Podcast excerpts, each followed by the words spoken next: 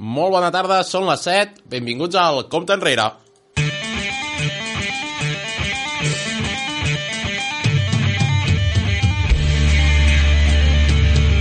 A Matadepera Ràdio,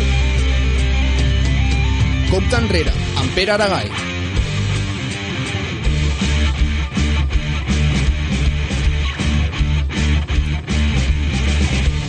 Avui al Compte Enrere, si sou amants del futbol americà, no us perdeu l'entrevista amb els Terrassa Reds, 40 minuts pràcticament de, de futbol americà avui a Matadepera Ràdio, també una mica com a prèvia de la Super Bowl, que per tercer any consecutiu retransmetrem aquí en aquesta casa.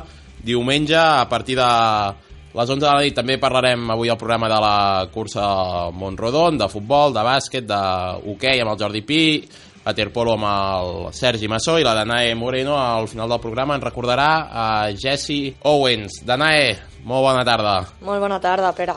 Comencem, però, donant el top, l'esportista top de la setmana. Doncs el top de la setmana és per al matadeparenc Xavi Zapater, guanyador de la cursa Montrodon, després d'anys de quedar-se a les portes del primer lloc.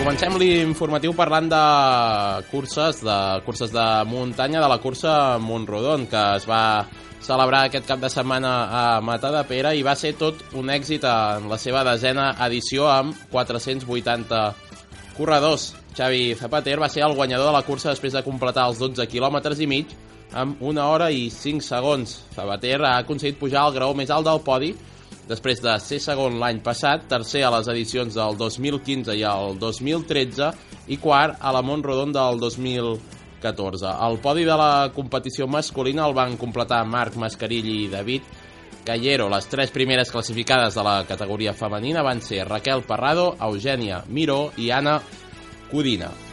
Cada dimecres, l'actualitat esportiva, al Compte Enrere. Jordi Pi, bona tarda. Molt bona tarda, Pere. Amb el Jordi, com sempre, parlem d'hoquei herba i atents perquè d'aquí molt poc, aquí a Matadepera, tenim hoquei sala. Tenim hoquei sala, la competició més important de l'Estat, que comença aquest divendres, al Campionat d'Espanya de masculí de sala.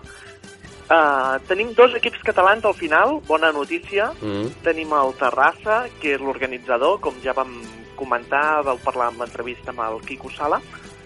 I el Terrassa estarà enquadrat al grup B amb el Barça, que finalment ha guanyat la seva fase prèvia i s'ha classificat, el Sant Pablo Valdeluz, que és el segon equip de la Complutense, i el Club Hockey Barrocas, que és un equip gallec. I el grup A hi tenim l'Atlético San Sebastián, el tennis, la Complu, primer equip, i el Club de Campa. Mm. El Club de Campo. Els dos equips madrilenys, eh, els dos al grup A, són els dos favorits, han quedat enquadrats al mateix grup, en principi els dos candidats a passar a semifinals, i el grup B segurament veurem passar a semifinals el Terrassa i el Barça o el segon equip de la Complutense, en funció de, de com fort sigui. Uh, veus el Terrassa amb opcions de, de guanyar? Veig el Terrassa amb opcions de medalla. Guanyar és molt complicat. El Club de Campo i Complutense, eh, excepte els jugadors internacionals que estan, estan convocats amb les seleccions i el seleccionador no, no els deixa participar als campionats de sala, com ja vam comentar la setmana passada. Uh, són equips molt forts.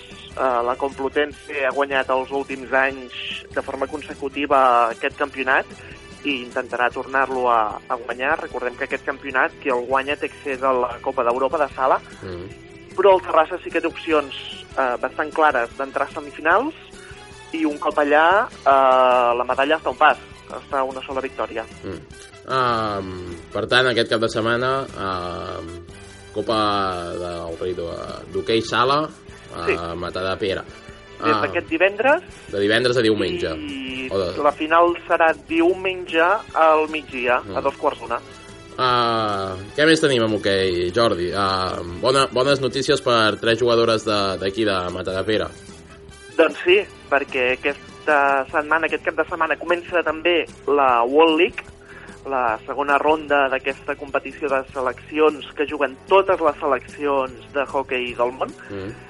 Uh, aquesta segona ronda es disputa a València, o sigui, també notícia positiva pels espectadors, que queda al cap i a la fi a poques hores amb cotxe o en tren, i tenim tres jugadores matadaparenques convocades per Adrián Loc, uh, com són la Júlia Pons, del Terrassa, la Berta Bonastre, que està jugant ara mateix a Bèlgica, al Brexgata, i la Gigi Oliva, del Campong holandès, que estan convocades a Madrid al Loc, com, com hem comentat, formen part de les, de les 18 seleccionades, una, una llista on hi ha moltes novetats, eh, com és normal també, amb, després d'uns Jocs Olímpics, després de tot un cicle olímpic, i més tenint en compte que, que és la segona ronda de la World League, que les millors seleccions encara, encara no hi són. Ah, um, Jordi, uh, Digue'm. alguna coseta més o No, això comentar respecte a aquesta World Mm. League que Espanya és la clara favorita, no només juga a casa, sinó que és la selecció superior a la resta, i Espanya està enquadrada al grup A amb la República Txeca, Rússia i Turquia. A l'altre grup hi ha Ghana, Polònia, Escòcia i Ucraïna. L'única selecció que podria derrotar, en principi, a priori, a Espanya, seria Escòcia. Doncs Jordi Pi, moltes gràcies una setmana més. Uh, aquest diumenge t'esperem, bueno, t'esperem no, uh, la, la Super Bowl, eh? I tant, i tant, Super i tant. amb el Jordi Pi conduint la, la prèvia des de les 11 de la nit i un servidor conduint la retransmissió a partir de, de dos quarts d'una. Jordi, fins diumenge. Moltes gràcies, Pere. Fins diumenge. Parlem ara de futbol de Naes, segon empat consecutiu del Club Futbol Matadepera. Doncs sí, 1 a 1 a casa contra el Castellà en un partit on els Blaugrana van veure 7 targetes grogues i els visitants 8. L'enfrontament davant del quart classificat va començar de la millor manera per al Matadepera. Oriol Garcia va marcar l'1 a 0 al minut 3 i els de David Comelles van aconseguir mantenir la diferència fins a la mitja part. Però al segon temps, un penal discutible al minut 60 va permetre al castellà igualar el marcador. Al tram final del partit, els dos equips es van quedar amb 10 jugadors per les expulsions d'Arnau Guitar i Carlos Silva. El Club Futbol Matadepera es manté vuitè i a la propera jornada visita el Seient, que només té 3 punts menys que els nois de David Comelles. I a quarta catalana, el Matadepera B no va tenir cap opció al camp del segon classificat del grup 2 d'aquesta categoria. El pare Ignasi Puig es va imposar per 6 a 2 en un partit que al minut 9 ja guanyava per 2 a 0. El 3 a 0 va arribar al 35 i tot i que el filial blaugrana va retallar distàncies amb un gol de Marc Pérez, els manresans van marcar el 4 a 1 i el 5 a 1 abans del descans. A la represa, el Matadepera B va poder frenar la sagnia de gols del pare Ignasi Puig, que en els segons 45 minuts només va marcar un gol més. Al 88, de penal, Adolfo Muñoz va fer el 6 a 2 definitiu. És la segona derrota consecutiva del Matadepera B, que, tot i això, segueix setè amb 21 punts. Dissabte, a les 5 de la tarda, partit contra el Palillo. Pel que fa a la resta d'equips del Club Futbol Matadepera, aquests van ser els resultats més destacats del cap de setmana. El cadet A va guanyar per 5 a 0 contra el Sant Quirze, Infantil A 5, Cantries 0 i Sant Pere Nord 1, a la B C 16. El sènior masculí del Club Bàsquet Mata de Pere va guanyar a la pista del Badia per 77 a 83. Una victòria molt treballada que els verds van certificar amb un gran inici d'últim quart on van aconseguir un parcial de 2 a 9, que els va permetre passar del 55-56 al 57-65. El Matadepera, que té un partit pendent, és cinquè amb 10 partits guanyats i 5 perduts. Si guanya el partit ajornat, es col·locarà segon només un partit del líder del grup 2 de segona catalana. Aquest diumenge, a les 8 de la tarda, els verds reben la visita de l'aula. El sènior femení continua sense aixecar cap i va encaixar una altra derrota, la dotzena de la temporada. Les matadaparenques van començar molt bé a la pista de les Plugues, amb un parcial de 12-18 al primer quart, però al descans les locals ja guanyaven per 30-24 i un parcial de 12-5 als primers minuts del tercer quart va sentenciar el Matadepera. Al final, el marcador va ser de 64-45.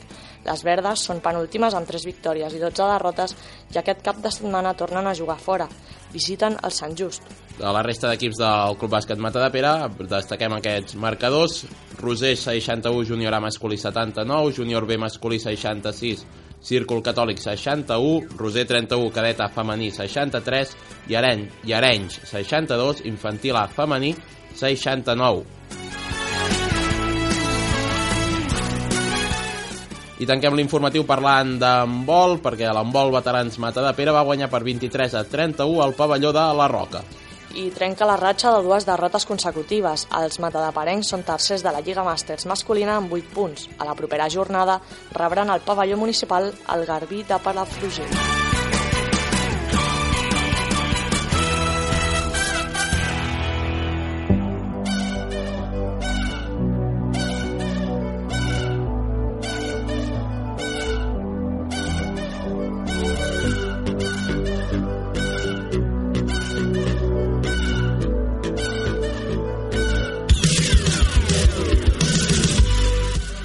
Parlem ara de waterpolo amb el Sergi Massó, que ens porta tot el que ha passat aquest cap de setmana a Sabadell, on s'hi ha disputat la Copa del Rei. Sergi, com anem? Bona tarda, Pere. Doncs mira, primer de tot t'he de dir que fent pronòstics sóc bastant pèssim i ara sabràs per què. Com dius, hem tingut Copa del Rei i l'Atlètic de Barcelona ha guanyat el seu 13è títol, el cinquè de manera consecutiva, en una final on va guanyar a l'Astralpool Sabadell, l'equip organitzador, per un clar 10 a 5.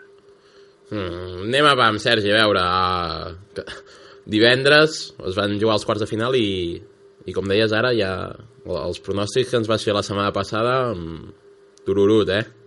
Tururut, sí, Pere, perquè com, com has dit, divendres jornada quarts, primer partit i el meu pronòstic, i de fet els de molta gent, a fer punyetes. La lògica deia que el Terrassa passaria amb certa comoditat, eh, però no va ser així. El, el Barcelona el va guanyar per un ajustat 6 a 5 i passava a semifinals en, en aquesta primera sorpresa de la Copa. Ja vam dir que a la Copa tot podia passar i, i a la primera de canvi va passar. El segon partit de quarts sí que no va tenir història, l'Atlètic Barceloneta va pallissar per un contundent 21 a 2 al Real Caneixó Star. Tercer partit, eh, l'Estrapur Sabadell, que es va endur la seva eliminatòria davant el Quadis Mataró per, per 11 a 5, i es va tancar la jornada de quarts amb, amb un gran partit, amb la victòria del Sant Andreu davant el Mediterrani, una victòria que es va, es va produir a penals en un partit duríssim que va acabar 7 a 7 i on els de Dani Ballart van estar més encertats en els llançaments des dels 5 metres i van acabar accedint a semifinals guanyant 12 a 10. I a les semifinals, què? Com van anar? Doncs mira, la jornada de semifinals de dissabte va començar amb l'Atlètic Barceloneta escombrant el Barcelona per 12 a 3, segona golejada del, dels mariners en aquesta Copa, en un partit on ja, ja es va començar a veure que, que els dos partits més fluixets que, que havíem comentat del conjunt mariner, aquella derrota a Sabadell Mm. i, i la victòria pura de Terrassa, doncs van ser només un accident. I l'altre semifinal tampoc és que hi hagués eh, massa discussió i l'Estralpunt Sabadell va fer la seva feina ben aviat, Només en el darrer quart el Sant Andreu va poder maquillar el resultat una mica amb un parcial de 0-2 eh, i el Sa- i l'Estrapur Sabadell que ha presentat candidatura al títol i s'esperava una gran final per, per com havien arribat els dos equips a, a, en les darreres setmanes i a aquesta Copa, especialment el Sabadell, eh, on el vam veure un ritme de competició de partit espectacular. I, Sergi, vam tenir una, una final amb, allò que es diu, a- amb majúscules, Doncs sí i no. M'explico. Sí, perquè l'Atlètic Barceloneta ens va deleitar amb un partit en majúscules. Va controlar el tempo del partit en tot moment, va apretar en defensa quan tocava, eh, va deixar detalls de gran qualitat en atac, amb un Alberto Munarri espectacular, un Munarri que va ser escollit MVP, mm. i sota pals un Dani Pinedo que, que ens va demostrar perquè encara és un dels millors porters del món, un Pinedo que també va ser nomenat eh, millor porter. Com a mostra, el parcial a la mitja part és que era, un 5 a 1, i, no perquè el Sabadell, eh, un Sabadell que prometia molt, però, però és que al final no, no, no va aconseguir res de res.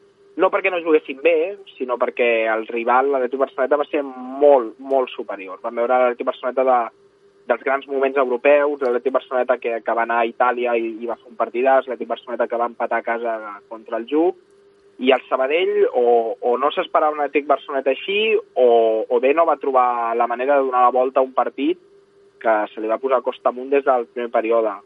Eh, va dir Xus Martín, el tècnic de l'Atlètic Barceloneta, a, a l'acabar la Copa, que aquesta havia estat la, la millor Copa des de que n'és l'entrenador i aquesta és la quarta temporada. I al final 10 a 5 i una sensació generalitzada, crec, de que el Sabadell hagués guanyat aquesta Copa contra qualsevol altre Atlètic Barceloneta, però contra l'Atlètic Barceloneta de diumenge passat, mm, mai. Mai, mai, mai. Per tant, l'Atlètic Barceloneta, que es va proclamar campió de la Copa del Rei en aquesta final contra el Sabadell, que no feia tant, havia aconseguit guanyar contra l'equip barceloní a, a la Lliga. Sergi Massó, moltes gràcies per portar-nos la informació del Waterpolo. Uh, tornem a escoltar la, la setmana que ve perquè ara vindrà la Copa de la Reina. Sí, Pere, demà tenim sorteig de Copa de la Reina a Terrassa i la setmana que ve parlarem una mica d'aquesta Copa que, que disputarà això a Terrassa entre el 10 i el 12 de febrer. A Matadepera Ràdio, compte enrere. Aquest diumenge es disputa la Super Bowl, la final de la Lliga Nord-Americana de Futbol Americà, una final que podreu seguir aquí a Matadepera Ràdio i al Compte Enrere hem decidit dedicar els següents minuts del programa a parlar d'aquest esport. Per això el divendres passat vam anar fins al municipal de Can Boada, Terrassa, per parlar amb diversos membres dels Terrassa Reds, equip de, de la ciutat de Terrassa que practica aquest esport. Tenim amb nosaltres el seu president, a Dani Maldonado. Dani, bona tarda, benvingut al Cop d'Enrere. Moltes gràcies. També a, a l'Àlex Meifren. Àlex, bona tarda, ell és entrenador de, del Reds. També tenim a un jugador i a una jugadora, són l'Enric Torres i la Lídia Pastor. També benvinguts els dos a, al compte enrere. Comencem parlant una mica de, del club. Quines diríeu que són les característiques principals, aquells trets distintius una mica de, dels Terrassa Reds?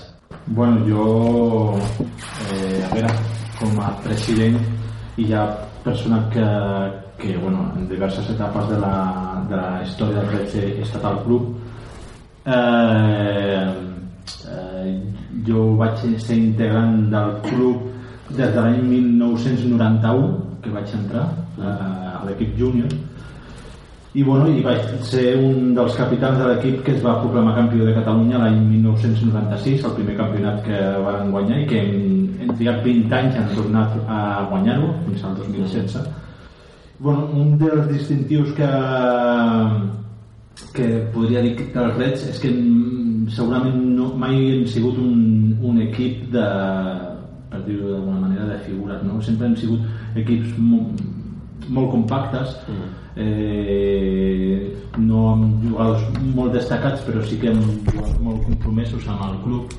I, bueno, i, i llavors pues, des d'aquí sempre hem, hem treballat amb, amb aquesta filosofia òbviament sempre està bé que hi hagi jugadors molt bons no? això no, no, no, no poden dir el contrari però bueno, mm, segurament una de les característiques del Reds és aquesta no? equips molt compactes i mm, hi ha molt companyerisme i la gent pues, és una pinya i bueno, més o menys entenc que per aquí és el, el millor distintiu dels Reds com a entrenador i jugadors compartiu aquesta, aquesta opinió? Uh, sí, aviam, hem d'entendre que els Terrassa Reds és un, som un equip modest o sigui, tal com diu, com diu el Dani no hem tingut mai jugadors allò que hagin arribat lluny dins, dins, dins aquest esport però tot i així sí que hi ha, hi ha jugadors destacables com per exemple a la, la categoria júnior, el Juan Ruiz, que és un molt bon jugador, ell, ell és receptor i també alguns cops ha jugat de, de corredor, uh -huh. i sí, sí, hem, hem, fa un parell d'anys eh, el Juan va, va, va ser un, un element clau en, en la final i la semifinal d'Espanya de, de la categoria cadet. Però bé, o sigui, tot i així ja Sí, tenim, tenim jugadors molt bons. Per exemple, aquest any ja hem tingut una incorporació de, de Brandon Childs, que és un, un, un americà de, de, a prop de Los Angeles, que també ha vingut i s'ha notat que, clar, el nivell que tenim nosaltres comparat amb ell és molt diferent, perquè ell ha estat tota la vida jugant a, a un futbol americà que és molt més complet que el que nosaltres podem jugar aquí. Per fer un símil, podria ser com si algú que aquí juga a futbol sí. se'n va en un país on el futbol no és un esport sí, gaire sí, sí, popular i clar, doncs destaca. destaca. Exacte. A més viu a Mata de Pere. Sí, sí. Uh, no sé si, si, heu, si heu notat o si temporada rere temporada cada cop hi ha més gent que jugui a futbol americà. O més o menys és allò sempre mateixes cares... Àlex. Sí, jo penso que més que res el que fa és eh, som nosaltres mateixos, no? la imatge que donem a Terrassa i com més imatge donem més gent aportes, no? Si no, no hi ha el vincle es perd, no? Vull dir, si tens uns anys dolents i et mous poc, doncs menys gent a les categories, però si tens realment moviment a col·legis i institucions o així, doncs eh, aconsegueixes molt més nucli, moltes més persones que coneixin o que s'interessin per l'esport. Quines, quines activitats feu, quins actes de promoció feu per, per tal de captar nois i noies cap al club? Eh, bueno, nosaltres estem en permanent contacte amb el Consell eh, Esportiu mm. i organitzem l'octubre van organitzar una setmana sencera de, de futbol flag amb els col·legis de Terrassa. Ara també aquests últims dissabtes estem també col·laborant amb ells eh, que fan diverses activitats i una d'elles és el futbol flag eh, doncs és, és una de les nostres bases de promoció. Eh, de- després òbviament doncs, ten, eh, tenim contactes amb diversos col·legis de la, de la ciutat i fem tots els anys doncs, fem de, de, així com una activitat eh, extraescolar doncs fem algunes per dir-ho d'alguna manera alguns seminaris de flag que és el futbol americà sense contacte i, bueno, i sempre van, van caient a l'equip eh, nanos que han passat per, aquestes, per aquests seminaris i per, aquests, per aquestes activitats que, que s'organitzen Uh, Lídia, que de moment no has parlat gaire. Uh, per què el futbol americà? Com, com vas entrar en aquest, no, en aquest esport? Bueno, jo vaig començar perquè tenia moltes amigues que ja hi jugaven, amics i amigues, i mira, de tant insistir, jo feia unes altres activitats i al final vaig dir, va, vaig a provar-hi. I al final vaig enganxar i, i ja no, ja no he vuelta atrás. Mm. Els altres també va ser a través de, de les amistats que vau començar en aquest esport? Jo realment va ser perquè estava veient un, un partit de futbol del meu germà que estava en natació i, i ja fa molts anys. I els, els júniors de Reig estaven entrenant justament a darrere de les instal·lacions de hockey i bueno, dissabte els vaig veure i el dissabte que em vaig passar per allà a preguntar. Sempre crida l'atenció no? Veure i mira, també des d'allà pues, uns quants anys. Enric? Bé, en el meu cas va ser que el, um, fa ja 5 anys el, el meu cosí, el, el Genís, va entrar a jugar a futbol americà, va entrar com a corredor i en, a partir d'aquell moment doncs, vaig començar a, a interessar pel futbol americà i després quan vaig entrar a batxillerat mm, estudiava amb un, amb, amb un col·lega que que es diu Uri i ell em va, em va dir que, bueno, que els terrassabets, que no sé què, que no sé quantos, la seva parella també va, va, va entrar aquí als Reig i llavors vaig dir, doncs, per, per què no provar-ho? En aquell moment no feia cap esport i tenia ganes de, de, de moure'm una mica i vaig dir, per què no provar-ho en el, el futbol americà? I llavors doncs vaig, vaig entrar l'any passat com a júnior, vam aconseguir guanyar la, la, la Lliga Catalana i ara aquest any ja a sènior aviam si podem revalidar el títol.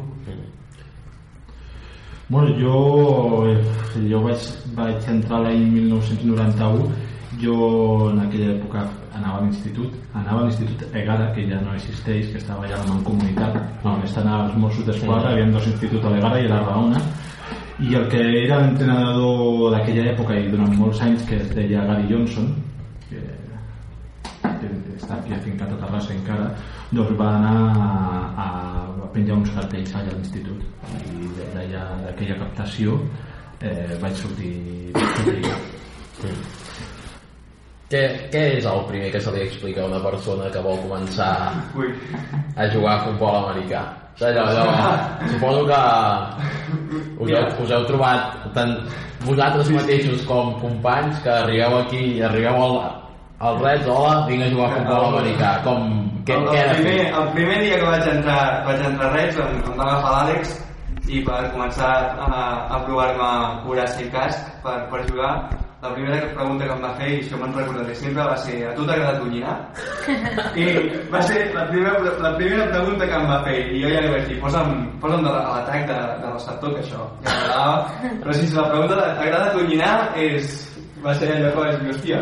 Uh, bueno, van directes. Sí, sí, sí, o sigui, t'agrada repartir hòsties o... Bueno, per dir manera hi ha dos sectors, no? Els, els que són més que els agrada Atonyinar. atonyinar directament i llavors que són, són més cap a la defensa, bueno, un tipus de jugador i llavors ja uns altres tipus pues, són, pues, bueno, no, no és que sigui el més tècnic o, o que no els agradi, no? però bueno, els utilitzes més per agafar pilotes o córrer o bueno, altres posicions. Per ser atonyinats, podríem dir. No? A tu t'agrada atonyinar o...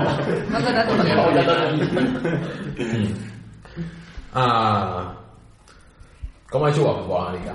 Perquè hi ha molta gent que no, no ho sap i realment ah, jo fa uns anys que he començat a seguir el futbol americà també a través de- d'uns amics. I sí que és cert que un cop entens les normes i, i com va una mica el joc comences a trobar-li molts, molts atractius, molts punts molts avantatges, senzillíssim, a veure aquell esport. Però també us he dir que si no en tens ni idea veus allà uns jugadors que paren cada dos per tres que de cop no saps per què canvien la ara de cop ataquen i no saps per què ha passat un minut tornen a defensar. Sí. després passen 4 minuts i fins que no canvien. Com, pa- així un resum de com va el joc. Eh, bueno, lo important quan entres a veure un partit de futbol americà i no el coneixes, òbviament, és intentar veure-ho amb, amb algú que sàpiga, no? Llavors, eh, òbviament, doncs, eh, si en aquell moment que ho estàs vivint en directe, d'alguna manera, eh, ja tens algú que et va dient mira, això passa per això llavors tot en, comença a encaixar tot comença a encaixar li, li agafes la, la lògica que té i llavors eh, i, i, i l'agafes aquest at- atractiu que parles no? eh, a partir d'aquí bueno, és eh, una qüestió de, de com diu Àlex Mifren de, de, si vols jugar a futbol americà eh, tens que tenir molt clar que eh, rebràs cops. Al final és una cosa rebràs i donaràs cops. Eh, té que agradar. Si no t'agrada eh, si no, no, no serveixes per al, per al futbol americà. Eh, bueno, i a partir d'aquí eh, bueno, eh, quines són les regles bàsiques del futbol americà doncs bueno, al final és avançar la pilota i arribar a la, a la zona de- de- d'anotació del contrari. Eh, òbviament hi ha unes normes hi ha unes jugades que eh, eh, tens quatre jugades per anar avançant un, uns metres i si avances aquests metres et donen quatre jugades més i així. Això és el més bàsic del futbol americà. A partir d'aquí bueno, és, eh, el- l'important és intentar veure-ho en directe amb alguna persona que sàpiga i ràpidament agafes la, la lògica del joc. Vosaltres en concret a quina posició o posicions jugueu o, o heu jugat? Bueno, jo com a noia i les noies eh, som, tenim menys plantilla, lògicament, i vulguis o no tenim que estar una miqueta més espaviladetes amb aquest tema i ser una miqueta més polivalents. No, hi ha nois que també, però les noies al CMN sempre tenim que tenir una miqueta més d'allò de, de coneixement de tot el medi, diguéssim. I, bueno, jugar, jo per exemple en l'últim partit he jugat en quatre posicions diferents, o sigui, mm, les bases són unes... i en atac i en defensa també Sí, sí, i en equips especials. O sigui, També, tots. equips de Sí, defensa i tots. equips especials. De- No surts del camp. no surts del camp No. tota, tota l'estona Eh, expliquem també que els equips amb plantilles àmplies bueno, de fet, una, de, després parlarem una mica de, de la lliga nord-americana i tal, però sembla les plantilles de, dels equips de la NFL són un atac, una un defensa atac, una defensa i els equips I especials jugadors especialitzats. i jugadors només en aquella posició quan, de quanta gent pot ser una plantilla de... en, al camp sur- surten a jugar un partit 53 jugadors però després tenen equips d'entrenament per les plantilles de la NFL estem parlant de 90 jugadors per ahí. Clar, has de pensar també que de cada posició específica hi ha tres jugadors. O sigui, de, quart, de quarterbacks potser n'hi poden haver tres, de receptors n'hi ha tres, de uh, linebacker Sí, sí, sí. 3, per això t'has de comptar si són 11 jugadors per cada equip d'atac, defensa i equips especials, doncs Sí, sí, sí. multiplica-ho per 3 i, i et sortirà el... El sí. Uh, en el teu cas, Enric, de, jugues de, de receptor, has Sí. dit abans. De, en què, bàsicament, en què consisteix la feina d'un... Mira, així molt esquemàticament el que consisteix el, el ser receptor és córrer, que et passin la pilota i com deia abans t'ho guiat. Això és, el, el, el, el, que, el que es fa. Si tu et, et diuen una ruta, Mm. que tu la fas, són, o sigui, diuen, vale, fer unes llardes, t'anar cap a una banda cap a l'altra, i llavors doncs el quarterback eh, si et veu obert et passa la bola i llavors has de córrer amb la, amb la bola normalment el que passa és que tu tota l'estona que perds corrent quan passes la, quan et passen la bola llavors ja ets, ja ets placat en canvi en una posició com per exemple la de corredor ja et dona la, la, la pilota avances unes llardes i llavors ets placat en canvi en, en receptor és diferent. O sigui, tu corres i És a dir, el teu esforç és sense pilota, podríem dir, Sí, sí, sí, ser ràpid, ser, ser obert de, mira, o sigui, si veus que el defensa se'n va cap a una banda, tu de cantar-te cap a l'altra, i llavors doncs ja és tècnica... tècnica També cada capaç d'agafar... Clar, aviam, també és d'entendre que el, en, en receptors, sobretot el que es busca també és, és, és que siguin alts, perquè els defenses que trobaràs potser, jo en el meu cas, per exemple, faig un metre 85 i els, els, els defenses que em puc trobar potser no passen del metre 70, clar, llavors doncs, si t'ha tirant alta, saltant ja, ja la pots agafar o, o el que sigui. Et poden placar abans que tinguis la pilota? Uh, no. Uh, si et plaquen, en el cas de que et plaquin uh, o et bloquegin o, o el que passi, doncs uh, això el que es diu és pass interference, que és, un, és una falta que te la poden pitar tant en cap com en defensa. Va. I el pass interference es penalitza, en la NFL es penalitza en el lloc on t'han fet la falta, de manera que si tu la, la bola la tens a la yarda 50 i et plaquen a la yarda 20, doncs comences des de la yarda 20. En canvi aquí el que es fa és eh, el lloc on t'han fet la falta, doncs el lloc on s'ha començat les jugades es compten 20 yardes. Clar, hi ha cops que sí, sí, Mm. et fan una fase interferents a les 10 yardes et surt a compte, però si te la fan a, la, a les 40 yardes doncs no et surt a compte. Uh, Dani, Àlex, posicions a, al camp. Jo vaig, eh, jo he jugat a diverses posicions, però segurament la principal va ser la de my linebacker. És el jugador que és el defensa que està al mig, no? Una Mm. mica un híbrid entre línies i defense backs. I, bueno, que té que arribar una mica a tot, no? A, Una mica el Busquets, no? Podríem dir, en defensa de l'equip, d'allò de dir... Més o menys és, la, Mm. és la, la posició en la que vaig jugar més temps i la que em trobava més còmode. Abatoninador. De toninar, no? Sí, De, sí. de- Aquesta paraula sortirà bastant Sí, sí, tot aquí. m'ha agradat, eh, això. M'ha agradat. Uh, em sembla que faré servir el diumenge que fem la narració de la Super Bowl, me la guardo i, i, i la, farem, la farem servir. Tu, Àlex? Jo vaig començar de defensiu de la secundària, des del darrere del que jugava el Dani, més per la protecció contra passe, De corner, no? de cornerback, sí. Cobrint a gent com a, com a, com a Enric, sí, sí. I després, mira, quasi, quasi per necessitats, doncs vaig començar a fer coses a l'atac de quarterback i allà em vaig quedar durant uns quants anys. I ara entrenador, que bueno, té, la seu, té el seu què, controles tota la, tota la part, no? Com a, com a ex-quarterback i com a entrenador, que, quina, és, quina ha de ser la qualitat principal d'un d'un quarterback? Segurament és la posició que la gent que tampoc segueix molt el futbol americà, tots sabem el que és La primera, el, el quarterback. També És- suposo que per les pel·lícules, sí, el guapo de per les pel·lícules de- d'institut i d'universitat, el quarterback amb la cap de les animadores. Sí. Mira, jo eh, principalment, no, per mi un quarterback, eh, quasi tothom el que veu és la, la força de braç que té, el fort que llença o així. I per mi la, el principal que ha de tenir és la seva mentalitat. Un quarterback ha de, ha de ser un líder dintre del camp, ha de saber moure els seus companys i ha de ser molt fred en les decisions que prengui, perquè li passa tot per segons. La pilota sempre, sempre, sempre, a part del center, passa per les seves mans. Llavors, ell distribueix, ell mou i ell és qui fa moure l'equip.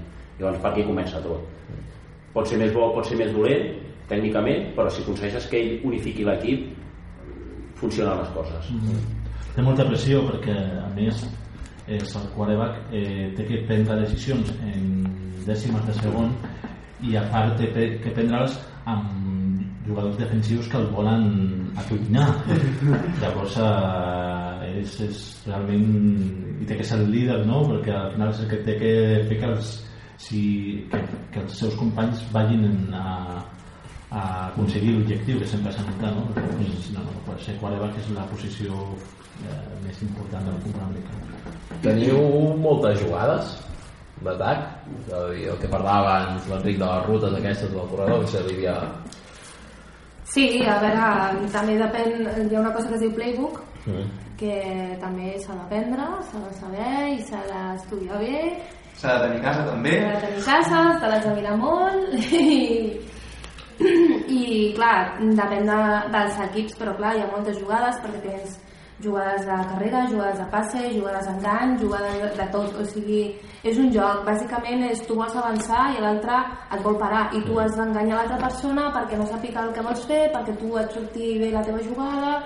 I llavors, clar, hi ha moltíssimes jugades que bàsicament és això, és poder avançar el màxim possible intentant que l'altre equip no t'atrapi i clar, també depèn de, de cada entrenador, cada jugador, bueno, cada equip i tal, però clar, hi ha unes quantes jugades. Sí, sí, hi ha molta gent que, bueno, dius, però què diu allà, Sí, no sí. sé què, dius, tu ho entens, perquè tu, saps- en principi, al principi tot et sona xino. Dius, no m'estic enterant de res, no sé què tinc que fer, i després, mica en mica, tot va tenir la seva coherència, el seu sentit, i tot encaixa, i tu, quan t'ho diuen al camp, tu, tu, tothom ja sap el que ha de fer. I, en dos, dos o tres paraules ja Sí. to, tothom al camp ja sap el que té que fer mm, són com unes claus. Ja, tothom ja sap el que, el que, per on ha de tirar. Àlex, quan, quan, quant temps de marge dones a un jugador perquè s'aprengui aquest playbook? El playbook ser una com el GPS, no? De... Mira, Quant, quant temps de marge dius? Mira, aquí ho tens, tu em portes a casa, com diu l'Enric, i... No, perquè ja l'entrenes, el vas entrenant en el, en el moment del partit, no? Jo dic sempre que el futbol americà és com un joc d'escacs, però amb contacte, llavors és molt tècnic, molt tècnic. I llavors has de tenir un playbook. El playbook no sols depèn del, del que vulgui fer l'entrenador, sinó dels jugadors que tens. Si se l'aprenen o no se l'aprenen. Si ells se l'aprenen més i si s'involucren més, amplies el playbook i el fas molt més gran i si no, pues, et quedes amb el base perquè... I de les qualitats que tenen els teus I de les qualitats que tenen els jugadors. són, no són ràpids però són forts o, o al revés són molt ràpids però no són gaire forts i també tens que, Adaptar, sí, tens, sí, sí. tens que adaptar Adaptes el playbook a, a, al que tens. Al Això, que és, això és el més intel·ligent. No? Mm. Però està tot. Uh, el futbol americà està envoltat d'una sèrie de mites de com pugui ser que hi ha moltes lesions que això de xocar, de tonyinar-se tal, que potser frena una mica pares i mares a l'hora d'apuntar els seus fills a, a un equip de futbol americà. Un mite aquest de les lesions el desmuntem és... hi ha tantes lesions com pugui semblar o són més aviat cops. No, hi ha, no hi ha tantes lesions, però quan n'hi ha, hi ha cops que sí que, que penses, uf, me l'estic jugant. Però et pots lesionar com es pot lesionar una, un jugador del Barça. Però clar, aquestes lesions hi ha cops que són, poden ser més dures, perquè hi ha, hi ha contacte directe, hi ha, hi ha realment cops molt forts, i si veus la, un partit de la NFL sí que veus placatges que, que fan por. I aquí no, no te'n trobes de tan forts però sí que hi ha cops que els veus i dius uf pots, pots fer mal.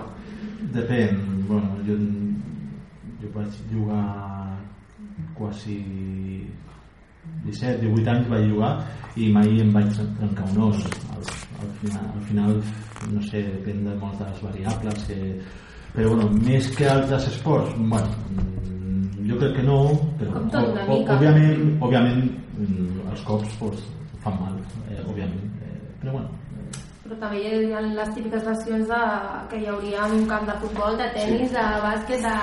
El, hmm.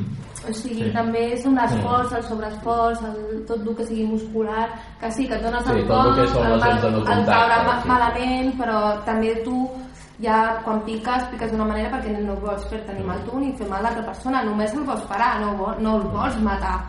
I, i real, realment, realment vas a... Sí, que no- que no- que no, és allò que no es fan placatges per no, que, que no ningú, surten les ambulàncies allà com si fossin... No. No. hi ha cops que sí que surten ambulàncies però I, però i, i, el joc ha evolucionat en els últims 20 anys molt, ha canviat molt perquè fa 15 anys darrere el casc s'utilitzava com a, Com a arma. com a arma, no? O sigui, tu baixaves la, el cap i catapum, i ara no. Eh, Això ja Sí, més hi ha, ja moltes més normes també, Sí. per exemple els júniors també tenen unes certes normes perquè no es puguin fer mal, Mm. hi ha certes normes que i són molt dures a l'hora de posar la falta perquè tu no et puguin fer mal i de no fer mal als altres perquè no juguem a fer mal, juguem a parar amb el cos Sí, les lesions podrien ser vistes com un dels punts en contra. Mm. Crec que el futbol americà és un dels esports on es necessita ser més solidari amb la resta de, de companys sí. quan, quan estàs al camp. Perquè així com altres esports d'equip en pilota tots més o menys van participant de, de l'objecte, de la pilota, de tocar la pilota, mm -hmm. en el futbol americà no, o sigui, és en atac, mm, ens deia l'Àlex, els únics jugadors que la toquen segur a cada jugada són el center, que és el jugador que està jupit i li passa enrere cap al quarterback, Center i quarterback. i quarterback són els dos que la toquen sempre, i a partir d'aquí la pots tocar, n'hi ha uns que, les, que ja saben que no la tocaran i el seu objectiu és protegir el, el quarterback o el corredor no? i per això crec que un dels punts a favor és això que des de en els nens els hi, el sentiment aquest de, de, de ser solidari ha de és ser un molt esport de contacte llavors quan estàs al camp realment entre ells entre els jugadors eh, crees un vincle molt fort perquè ja no és sols anem a jugar sinó anem a, a protegir-nos no? i hem d'anar junts a això i, i entre tots, entre tots, entre tots i és veritat, crees un vincle especial Jo crec que també el tema de faltes, de que si tira una falta no és personal, sinó que li donen a tot l'equip, també Mhm. fa que tot l'equip vagi més en compte. No, és, no, és, no és que tu et fotis, sinó aquest esforç que ha fet tot el teu equip per avançar, te l'estan tirant enrere i això també eh, és part de... Som tots un i si tu ho fas malament, ho fem malament tots i també aquestes coses també marquen una mica. Um, en què consisteix un entrenament de futbol americà? Jo vaig tenir, bueno, vaig tenir la sort d'estar als Estats Units a- aquest any ah, sí? i vaig, vaig coincidir allà un dia per casualitat veient, no sé, eren uns nois d'un institut o Ah. que estaven allà entrenant i jo els veia i pensava a mi com a jugador, com a jugador em costaria molt perquè era, els veia, tal, hi havia l'entrenador ah, pilota a terra, jugada pilota a terra, jugada i entrenar, entrenar, entrenar i tal. Aquí també Sí, eh, depèn molt, l'entrenament depèn molt, és com el futbol, no? De- Depèn, o qualsevol altre esport, depèn molt de la part de la, de la temporada en la que estiguis, no? Pues, en principi tens pues, eh, més físic, més moviments individuals i quan vas entrant a la temporada pues, especialitza molt més en la tècnica de la jugada, en què funcioni tot amb el nucli o el timing que diem nosaltres, no? L'ofensiva jugui amb un timing o que la defensa sàpiga respondre a unes certes formacions d'atac, no? Algunes variables. Sí. però en principi sempre, sempre és una part física una part de doncs, eh, diguem després eh, de contacte per calentament que diguem i llavors tens una individualització de jugadors més, més un a un o, o en part col·lectiva segons no? doncs corredors junts, correceptors o... i per últim doncs, tens un, com un scrimmage que li diem nosaltres que és com un partidet i aquí és quan fas ja l'entrenament conjunt mm, l'ús de la tecnologia està, està implantada al futbol americà aquí o Mm. tema d'utilitzar vídeos no, tal? Aquí, aquí no. Clar, hi ha molts cops que a nosaltres en, en, en partits ens perjudica, en el que hi ha a la NFL, que és l'instant review, no, que és de, sí, que, que es revisa el fotograma a fotograma de jugada si es creu que una decisió arbitral no ha estat encertada. Clar, llavors, doncs, aquí no ho tenim per, per coses que passen, però seria un avantatge per nosaltres de, de dir, ostres, doncs aquesta jugada que potser s'hagués pogut pitar una cosa que no era o, o no s'hagués hagut de pitar una cosa que, que s'ha pitat doncs ens, ens seria molt favorable però ara no ho tenim, no sabem si mai ho tindrem, tant de bo ho tinguéssim però de moment nosaltres fem, fem la nostra feina anem, anem fent i, i com a molt graves el partit Sí, dels altres, Mm. el mires, això sí que ho fem, eh? Mm. Sempre, per exemple, les noies en el, com Mm. juguem a nacional estan obligats a, pu a pujar els vídeos Hi ha un servidor dir, hi ha un servidor que... Llavors tothom té Tothom accés als vídeos, o sigui, estàs obligat a penjar els vídeos i, i llavors Sí. tu pots tindre accés i llavors tu sempre mm, mires els vídeos del, dels teus rivals per, per adequar el teu joc a una miqueta a la seva manera de jugar. Això sí que ho fem, com a tecnologia, però poc més. Parlava una mica de, de, de l'equip sènior femení que juga a la, màxima divisió estatal però només hi ha equips catalans. L'any passat Aquest hi havia sí. un de Madrid. Aquest any sí, hem tingut a Madrid, hem tingut a Zaragoza, ara hi ha una Liga Valenciana, hi ha un- s'estan fent com coses alternatives. El problema és el cost. Clar, el cost dels viatges, el cost de mobilitzar-te i tot, clar, són, és un, és un, bueno, és un, un esport que és molt minoritari i el femení encara més. Llavors, clar, tot el que hagis de fer i tot lo, tots els jugadors que s'han de mobilitzar ha de sortir tot dels, dels clubs o de les mateixes jugadores. Llavors és més complicat i sí que és veritat que a Catalunya hi ha la majoria dels, de la, dels equips estaven aquí i teníem a un de, un de Madrid l'any passat. I aquest any doncs, bueno, hem decidit marxar a la Lliga Valenciana, que és l'alternativa aquesta que han fet, i bueno,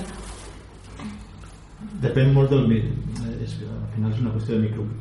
El tema del cost és una qüestió de microclimes, no? Al final hi ha, aquí a Catalunya hi ha hagut 4 o 5 equips que han anat pujant junts i estan, doncs, com, com, com estan a prop tots, doncs, al final el, el cost doncs, és, és mínim de desplaçar-se. i llavors doncs, això fa que, que sempre hi hagi partits això doncs, sempre anima doncs, a que noies, noies entrin i bueno, clar, òbviament això a Saragossa que no hi ha, que hi ha un equipet i No el, hi ha me- més, el més a prop o ja no estan, Ja no estan. i el més a prop que tenien era o Madrid o Barcelona llavors Sí, això sí, ja a sí. les, a les noies pues, òbviament, Clar, òbviament però és que és un problema. com molt repartits una Granada, una Alicante, una València, una Gijón, una no sé què, i nosaltres tenim Costa quatre o cinc que sí que estem aquí, tots a Catalunya.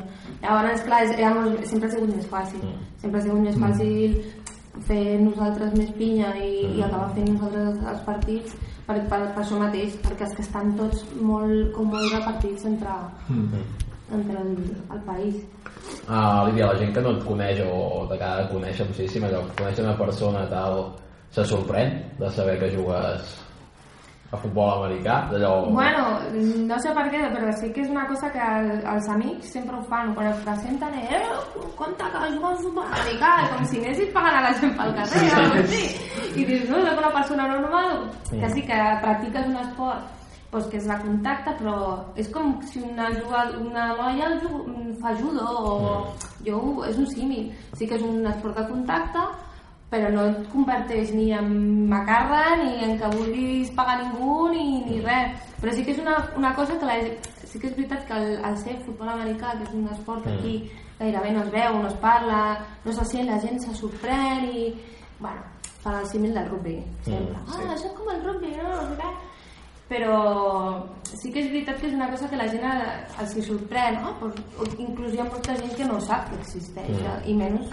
com la, el femení oh, oh, americà femení això, això i quan comences a explicar-los i tal sí que és una cosa que la gent no, no ho té molt, molt assolit El que també hem d'entendre és que tu al camp ets una persona que molts cops és diferent a, al, al que és a fora. O sigui, tu, per exemple, per comparar-te amb un ofici, com per exemple ser bomber, si un bomber el veus quan està en una intervenció vestit amb, amb l'equip, et sembla un heroi, que et sembla uh, una persona fora del normal, però en canvi quan els veus pel carrer doncs dius, ostres, és una persona normal Sí, i corrent pot ser una que, persona que sí, que, sí, sí. que és que, que es pot dedicar al que sigui, que, però, però que en, en l'entorn social Mm. és, és una persona completament normal i corrent.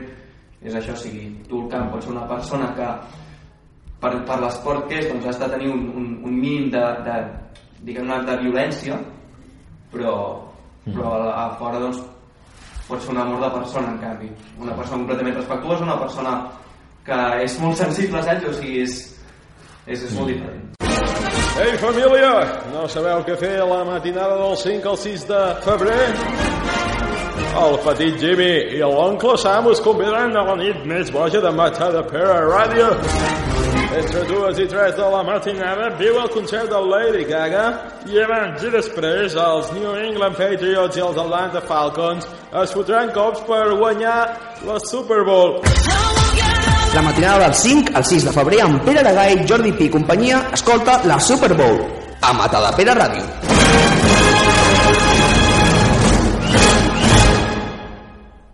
Aquest diumenge jugava a final de la Lliga nord-americana, la Super Bowl, juguen els Atlanta Falcons i els New England Patriots. Um, no sé si seguiu molt la NFL o no.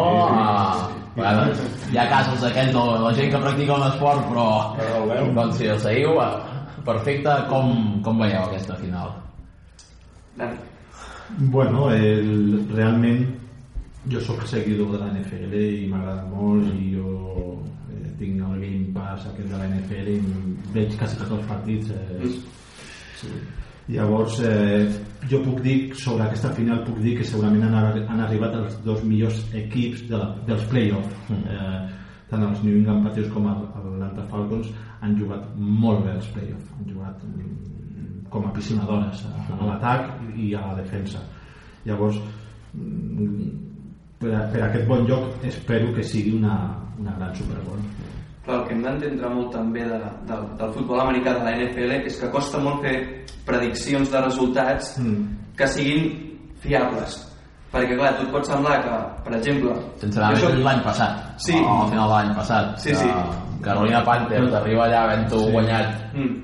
quasi, tot, quasi Doncs, tot. mira, i- va perfecte que posis, que posis aquest exemple perquè eh, jo sóc seguidor d'un equip que és el de Nova Orleans, els Nova, Orleans Saints i aquest són un equip bastant modest que han guanyat només una Super Bowl costa el 2011 i bueno, o sigui costa, costa de creure Ja, que després ja- ja- ja riu una sí, sí, perquè clar és, soc, soc el repudiat ara mateix de, d'aquí de per ser els Saints. Però no, que uh, però és això, o sigui els, els Carolina Panthers van jugar dos partits contra els Saints, un dels quals van perdre Mm. contra els Saints. Però clar, penses, però com és possible un equip que ha arribat al Super Bowl, que l'ha guanyat, però que després es contra un equip modest, que només ha guanyat una Super Bowl, que són els Saints, que, que perdi. Que després van tornar a guanyar, però bueno, això és igual.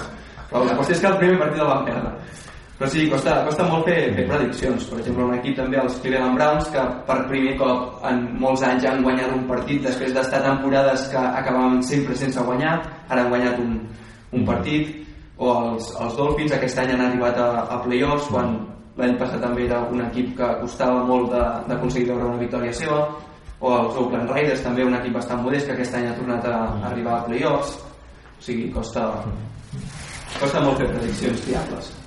Àlex Lídia, la, la final, Bueno, algun, sí, veieu algun, algun favorit? Jo o... penso, jo penso que com a diferència aquest any per mi han arribat quasi, quasi les, els dos millors atacs normalment sempre arriba un molt bon atac i, molt, i, una, i la millor, bueno, l'atac, el millor atac contra la millor defensa i aquest any els dos tenen molt bon atac la defensa no és coixa evidentment però, però els, els atacs són molt molt molt molt bons llavors qui guanyarà? Pues, no ho sé, quasi, quasi. Eh? Per tant, és molt, molt igualat. Per, per aquells que tinguin dubtes de si escoltar-nos o no, podem dir que serà un partit amb, amb punts? Té, té pinta. Té pinta que... Té pinta perquè a les, a les semifinals han marcat més punts. Vull dir, sí, hi ha hagut sí, molta sí. diferència de punts. Atlanta Falcons, per exemple, a les semifinals va jugar contra, contra Green Bay Packers i la màxima diferència va ser de, crec que va ser 35 a 7 i després el resultat final que va ser 44 a 21 o sigui, és, hi ha bastanta diferència o sigui, 44 a 21 són 3 touchdowns per part de Green Bay contra 7 aproximadament de, van, de, van maquillar el resultat però Atlanta va, va ser una Sí. pisonadora sí. Lídia, uh, opinió sobre aquesta Super Bowl? Jo no vull opinar gaire. De quin equip ets tu, Lídia? Ja. Del Cincinnati Bengals.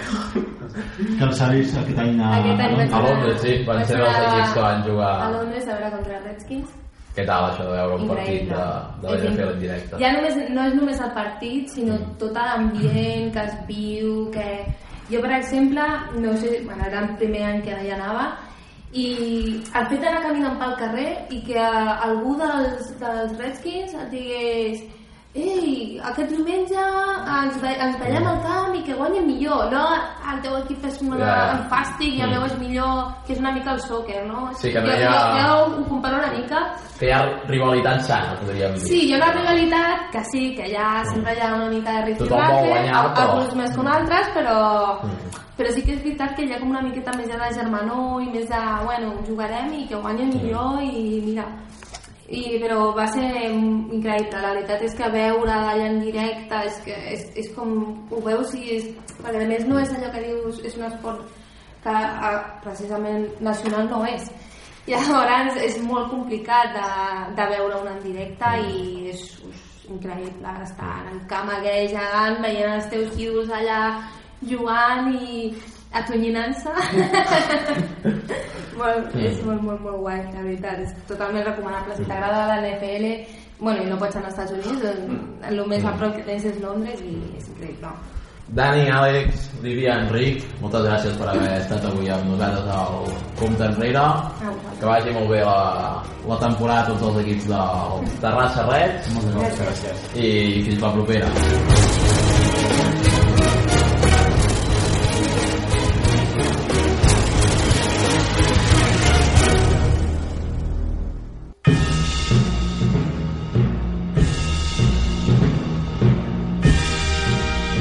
Compte enrere, amb Pere Aragai.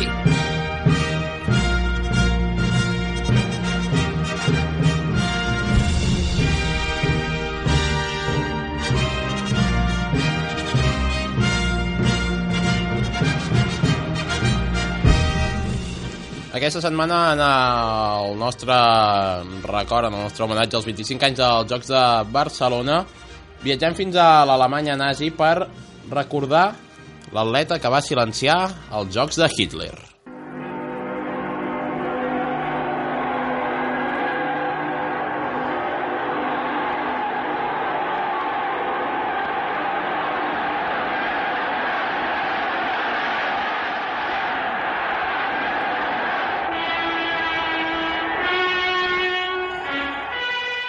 Corria l'any 1936 amb una Alemanya governada per el Führer, que volia mostrar la supremacia de la raça ària per tot el món als Jocs Olímpics de Berlín, els primers jocs televisats de la història. Els Estats Units, al igual que molts altres països, van estar a punt de boicotejar aquests jocs, ja que quan es va escollir la seu, Hitler encara no era al poder ni Alemanya era l'Alemanya nazi que tots ara coneixem i van estar a punt de no enviar els seus esportistes i encara més tenint en compte que enviarien més d'un atleta afroamericà, cosa que no va agradar gens als alemanys. El ministre de Propaganda, Joseph Goebbels, juntament amb la cineasta Line Riefenstahl, havien preparat fins l'últim detall tot el que anava a sortir en pantalla per mostrar el triomf dels atletes alemanys i així la seva suposada superioritat física i intel·lectual. Però Owens els va arruïnar tots els plans. Va aconseguir quatre medalles d'or, la primera va ser la dels 100 metres, que va fer en 10 segons. Una altra, pels 200, la de relleus de 4%, i finalment, la més dolorosa per Hitler i el règim, la de salt de longitud. I dic la més dolorosa perquè el guanyador estava entre Owens i el jove alemany prototip de l'ari perfecte Luz Long, el qual no va tenir cap problema en aconsellar l'afroamericà que estava tenint problemes en no fer un salt nul.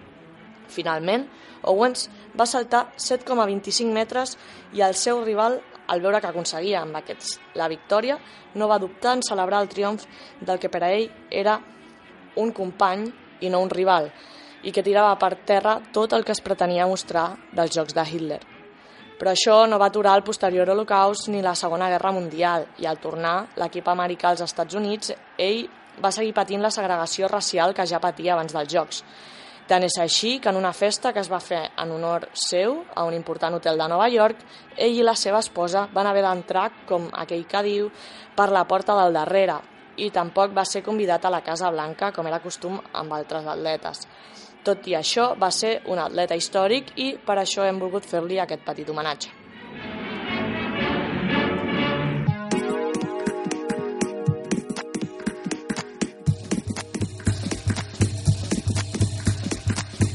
Això és tot per avui. Us esperem diumenge a la retransmissió de la Super Bowl a les 11 i si no, que passeu una bona setmana dimecres que ve a les 7 de la tarda tot l'esport aquí, al Compte Enrere. Adeu!